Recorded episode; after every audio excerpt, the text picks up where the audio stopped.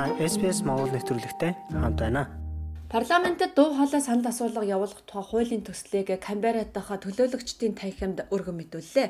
Энэхүү хуулийн төсөл нь парламентэд санал болгож байгаа дуу хоолойг үндсэн хуульд тусгах хэсэг Австралийн уугуул иргэд болон Торресын хоолын ард иргэдийг Австралийн анхны ард түмэн гэж албан ёсоор хүлээн зөвшөөрөх эсэх талаар санал өгөх бүх нийтийн санал асуулга явуулах тухай юм а. SBS Монгол нэвтрүүлэг таны гар утас болон цахим хуудасд нийлдэхтэй байна.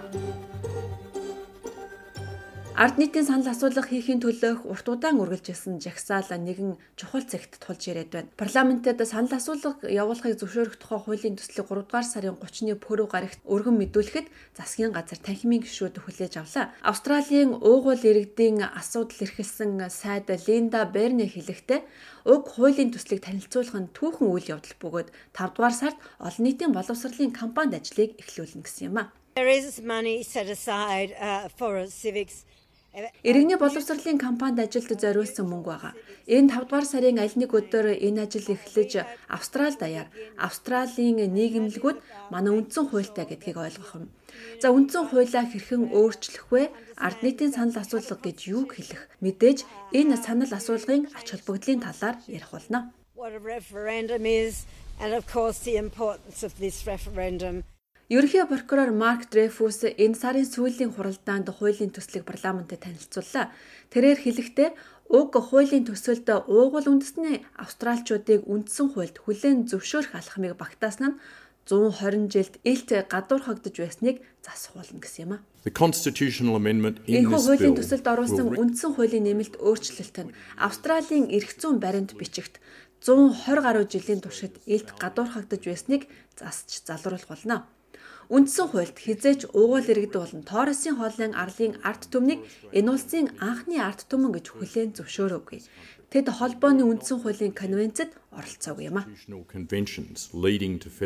Үүнд эргэлзэж байгаа сонгогчтой харилцахын тулд илүү сайн ажиллах шаардлагатай гэдгийг Камбера дахь Voice-ийн дэмжигчид хүлээн зөвшөөрч байна. Хотын уугуул иргэдийн эрүүл мэндийн хүрээлэнгийн Натан Апо хэлэхдээ тэд Voice-ийн талаар хуурамч мэдээлэл тарахаас зайлсхийх хэрэгтэй гэлээ. Бидний талаар утга учиртай яриа өрнүүлж мэтгэлцэн хийх ард түмэн болон олон нийт рүү буруу ташаа мэдээлэл өгөхгүй байхад бодит хариуцлагатай байх болно. Сөрөг хүчний удирдагч Питер Дэйтон хуулийн төслийг танилцуулахад байлцаагүй. Түүний нам маргаан дэгдэж Voice-ийн эрх мэдлийн цар хүрээнээс болгоомжилж байгаа. Тэрээр 2 GB радиод ярилцлага өгөхдөө өөрийн энэ үзлээ илэрхийлжээ. Хэрвээ энэ дээд шүхтэр хэдэн жилээр гацаж бас одоо аль хэдийн хангалттай удаашрч хаад байгаа засгийн газрын механизмыг удаашруулж бизнес эрхлэх зардал дээр олон тэр бум доллар нэмбэл энэ бүхэн эргээд татвар төлөгчдөд л дамжиж ирэх болно. Парламент дахь либерал намын гишүүн Карен Эндрюс ерхий сайд Энтони Албанез иргэдийг санал хураалтанд оруулахад чиглүүлсэн гэж буруутгаж байна. Миний бодлоор ерхий сайд наривчилсан асуултанд хариулах хэрэгтэй байна. Нарийн ширийн зөвлөгөөгөөр австралчууд Voice-ыг дэмжих хэсэг талаар байр сууриа тодорхойлоогүй байна. Бас ерхий сайд Voice-ийн талаар хуулийн асуулт тавихад даап алтгаа болох хэрэгтэй. Хуулийн төслийг одоо хэлэлцүүлэх бөгөөд 5 дугаар сард хариунд гарах болно. Австралийн угуул иргэдийн сайд Линда Берни хуулийн төсөлд нэмэлт өөрчлөлт оруулахад боломжийг нээлттэй үлдээсэн. Uh, Хамгийн гол нь засгийн газар маш нээлттэй хорооны үйл ажиллагаа нь хууль тогтоомжийн талаар саналуудлаа илэрхийлэх нь туйлын чухал гэж би харж байна.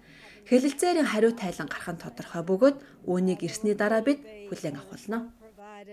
And we'll take it from there once that report's provided. SBS Монгол нэвтрүүлэг таны гар утас болон цахим хуудасд нийлдэхтэй байна.